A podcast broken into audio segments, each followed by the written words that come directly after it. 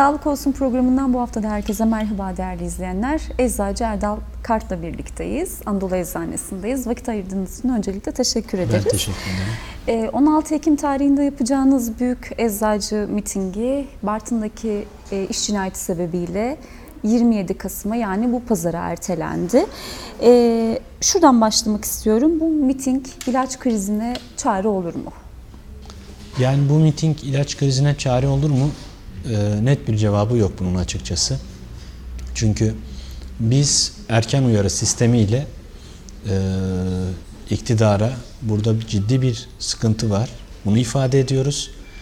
Ee, daha önce zaten basın açıklamalarıyla bunu ifade etmemize rağmen demek ki çok etkili olmadığı için mitingle bunun kamuoyunda daha görünür hale getirmeye çalışıyoruz. Ee, açıkçası çare olması için e, bunun üçlü bir ayağının olması lazım. Birincisi e, işin içerisinde sanayicilerin olması lazım. Sanayinin işin içerisinde olması lazım. İkincisi akademinin işin içerisinde olması. Çünkü bilim yapılması gerekiyor. Sanayinin bunu desteklemesi yani ARGE çalışması. Üçüncüsü de devletin destek olması lazım. Salt sanayiye bırakılamaz bu iş. Devletin de kesinlikle işin içerisinde olması gerekiyor. Biz bu işin bu şekilde çözülebileceğini düşünüyoruz. Bizler birer erken uyarı sistemi olarak burada bir sorun var. Bu sorunun çözülmesi gerektiğini söylüyoruz. Çünkü bu sorun bugünün sorunu değil. Yaklaşık son 5 yıldır Türkiye e, her dönem özellikle de hastalıkların arttığı dönemde ilaç kriziyle karşı karşıya kalıyor. E bunun sebebinin altında yatan gerekçe de üretim dediğimiz şeyin yerli üretim dediğimiz bu yerli üretimin de e, son dönemlerde altının boşaltıldığını, e, anlamsızlaşmaya başladığını düşünüyorum. Şöyle ki yerli üretimden kastımız bizim orijinal molekülün yani ülkemize özgü yeni bir molekülün bizler tarafından yani Türkiye Cumhuriyeti tarafından üretilmesi gerektiğine inanıyoruz. Salt jenerik yani halk arasında muadil dediğimiz, eşdeğer dediğimiz ilaç üretimini yerli ilaç olarak evet bunu da inanıyoruz, bunu da destekliyoruz. Ama salt sadece jenerik ilaç üretmek bu işe çare olmadığını da işte görüyoruz. Yoksa yerli jenerik ilaç üretiminde Türkiye çok iyi bir konumda. Ama ilaç krizine çare değil. İlaç krizine çare olmasının gerekçesi nedir? Kendine has orijinal bir molekülünün olması. Bunun yapılıyor olması gerekiyor. O yüzden biz bunu talep ediyoruz aslında. Üçlü bir ortaklıkla bunun olması gerektiğine inanıyoruz. Ee, aslında piyasada ciddi bir ilaç krizi var. Ee, çok sayıda ilaç, e, kritik ilaçlarda özellikle e, reyonlarda belki yok ya da kıtlığını yaşıyorsunuz.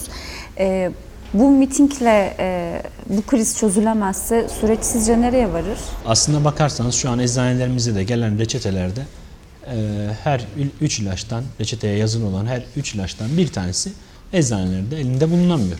Biz bu işi nasıl çözüyoruz derseniz şu an şu anda biz kendi meslektaşlarımız arasında e, oluşturduğumuz e, iletişim grupları aracılığıyla birbirimize sorarak o reçeteleri elinde olanlarla tamamlamaya çalışıyoruz. Ya da hasta reçetesini alıyor, eczane eczane gezip o ilaçlarının tamamının aynı anda bulunduğu veya elinde kalan bir eczaneye denk gelirse o şekilde çözmeye çalışıyor. Ha, bu sorunun sonrasındaki aşaması bu arada sağ, şunu da ifade etmek gerekir.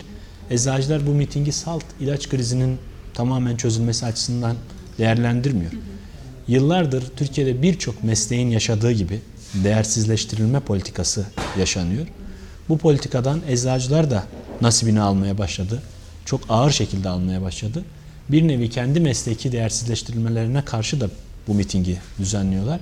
Bunun en önemli şeylerinden bir tanesi de ilaç yoklukları, ekonomik gerekçeler ve mesleki değersizleşme oluşturuyor.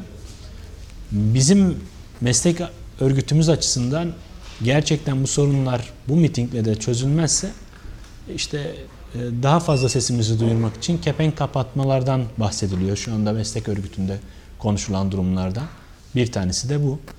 E, Ama e, ben bu sorunun üretimden geçtiğini düşündüğüm için kendi şahsi düşüncem bu. Bu mitingden sonra da bu sorunun belli bir süre devam edeceğini düşünüyorum. En azından Şubat'taki e, ilaçtaki euro kuru sonucunun ne olduktan sonra ona göre ilaç krizi belli bir aşamada devam edecek mi etmeyecek mi onu e, öngörüyorum. Şöyle öngörüyorum onu da biliyorsunuz her Şubat ayında bir e, kararname ile ilaçtaki euro kuru belirleniyor. E, son yapılan Temmuz ayında yapılan güncelleme ile bu 7.86 euroya çıkartılmıştı. Bunun da bir çare olmadığını gördük. Çünkü bu enflasyonist sistemde hemen eridi. Eridiğinin kanıtı da ilaç firmalarının hala Türkiye'nin iç piyasasına ilaç ver- vermediğini veya veriyorsa bile arz talebi karşılamadığını ya da ürünün piyasada bu ilaç yok dedirtmemek için çok eser miktarda, az miktarda ür- ürünü Türkiye piyasasına verdiklerini gördük. Bugün grip ve soğuk algınlığın tedavisinde, üst solunum yolu enfeksiyonların tedavisinde kullanılan birçok ilacın ve antibiyotiğin piyasada yeteri kadar bulunmadığını, kimi ilaçların özellikle son yapılan açıklamalarda bazı eczacılarımızın yaptığı açıklamalarda 300-400 kalem ilacın piyasada bulunmadığını da onların yaptığı açıklamalardan biliyoruz. Kendimiz de bu e, sıkıntıyı eczanelerimizde birebir yaşıyoruz. Ee, şimdi tabii diğer basın yayın organlarına da yansıyor. Biraz önce siz de ifade ettiniz. Sadece aslında ilaçta yaşanan kriz sebebiyle değil, mesleğin itibarsızlaştırılmasının önüne geçmek sebebiyle de e, uzun yıllar sonra bu mitinge e, katılan eczacılardan biri olacaksınız.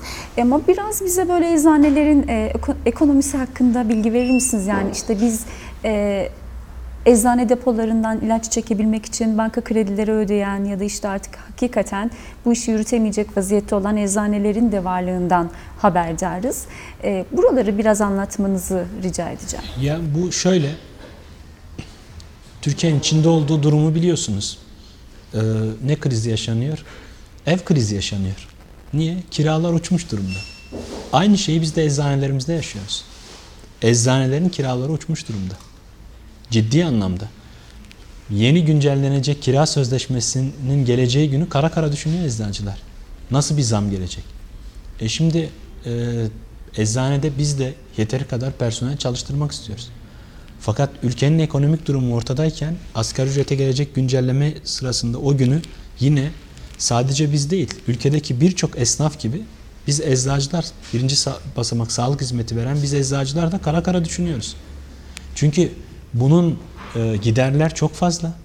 Giderlere gelen enflasyon oranındaki zam e, TÜİK'e göre de fazla, ENA'ya göre de fazla olan bu enflasyon oranında yani bizim giderlerimiz o kadar artmış durumda ki. Fakat ortada şöyle bir sorun var. Giderler çok hızlı artış gösteriyor.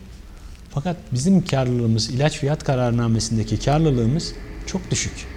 Enflasyonun altında eziliyoruz sürekli. Peki talepleriniz ne olacak? Pazar günü hangi taleplerle alanda olacaksınız? Bir, birincisi biz eczane ekonomi, eczanelerde yaşadığımız bu ekonomik sıkıntıların bir çözüm ve gerçekten hakkaniyetli bir şekilde mesleğimizi icra etmek için ilaç fiyat kararnamesinin salt günü kurtarmak için güncellenmesini istemiyoruz. Her sene gerekirse enflasyon oranında karlılığımızın artırılmasını gerektiğini düşünüyoruz. Biz enflasyon or- oranında değişen kiraya tabiiz, giderlere tabiiz, asgari ücrete tabiiz ama baktığımızda ilaç fiyat kararnamesi ne baktığımız zaman bunun günün koşullarına kesinlikle uymadığını, uyuşmadığını görüyoruz. Birinci talebimiz eczanedeki ekonomik zorlukların bir şekilde çözülmesi noktasında. Ee, Birinci talebimiz oluyor çünkü ülkenin gerçekten ekonomik anlamda ciddi sıkıntısı var. Toplumdan da bağımsız değil bizim sorunlarımız. Toplumun da ekonomik sorunları var. Biz eczane, eczacıların da eczanelerde yaşadığımız sorunları var. Sadece eczane eczacılarının sorunları var? Hayır. Kamuda çalışan meslektaşlarımızın da ciddi sorunları var. Onların da ek, ek ödeme yönetmeliği güncellendi. Fakat ek ödeme, ödeme yönetmeliğinde onlar mağdur edildi. İstedikleri bir oran, istedikleri bir katsayıda güncelleme olmadı. İkinci bir güncelleme yap- yapıldı. O ikinci bir güncelleme de yine aynı şekilde mağduriyeti gidermedi. Hafiften sadece bir rütuş yapıldı sadece. Biz onların da, kamu eczacıların da ekonomik anlamda ciddi bir şekilde iyileştirmeye ihtiyacı olduğunu düşünüyoruz.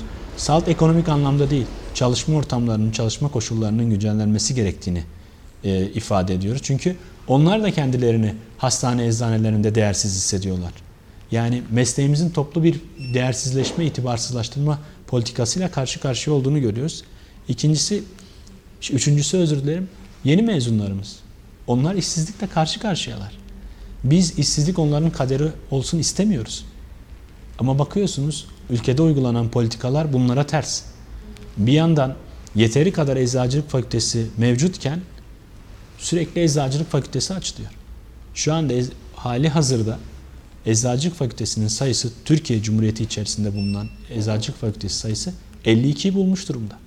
45 tanesi aktif bir şekilde şey yapıyor. Ee, öğrenci alıyor. E bakıyorsunuz teknik altyapı yeterli mi bu fakültelerde? Bir fakülte sadece bir dört duvardan oluşmaz. E bakıyorsunuz akademisyen yetersiz, teknik altyapı yetersiz ama onun adı eczacılık fakültesi oluyor. Biz bunu da kabul etmiyoruz. Biz bunu kabul etmiyoruz. E, bir bakıyorsunuz e, Sağlık Bakanlığı kamuya atama için eczacı kontenjan sayısı belirliyor. Son atama, atamada 270 küsür e, eczacı kadrosu açmıştı hastaneler için. Başvuran sayısı 3700 küsür.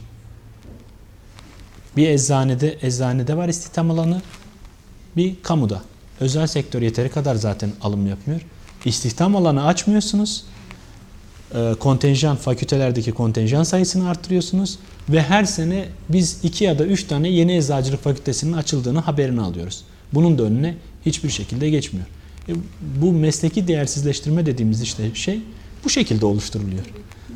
Artan e, mezun sayısı, artan eczacılık fakültesi sayısı bu şekilde ne olmuş oluyor? E, mesleğinizde sadece bizim sorunumuz değil. Hemen hemen bütün meslekler nasibini bundan alıyor. Biz de yakın ge- gelecekte işsizlikle belki de bundan nasibimizi almış olacağız. Evet öyle. Bugün tıp fakültelerinde asistanların da en başat problemlerinden bir tanesi e, nitelikli eğitim tartışmaları, talepleri aslında. E, aktarımlarınız için teşekkür ediyoruz. Vakit ayırdığınız için teşekkür ediyoruz. Çok sağ olun. Ben teşekkür ederim. Sağ olun. Çok sağ olun. Değerli izleyenler hafta yeniden karşınızda olmak dileğiyle. Hoşçakalın.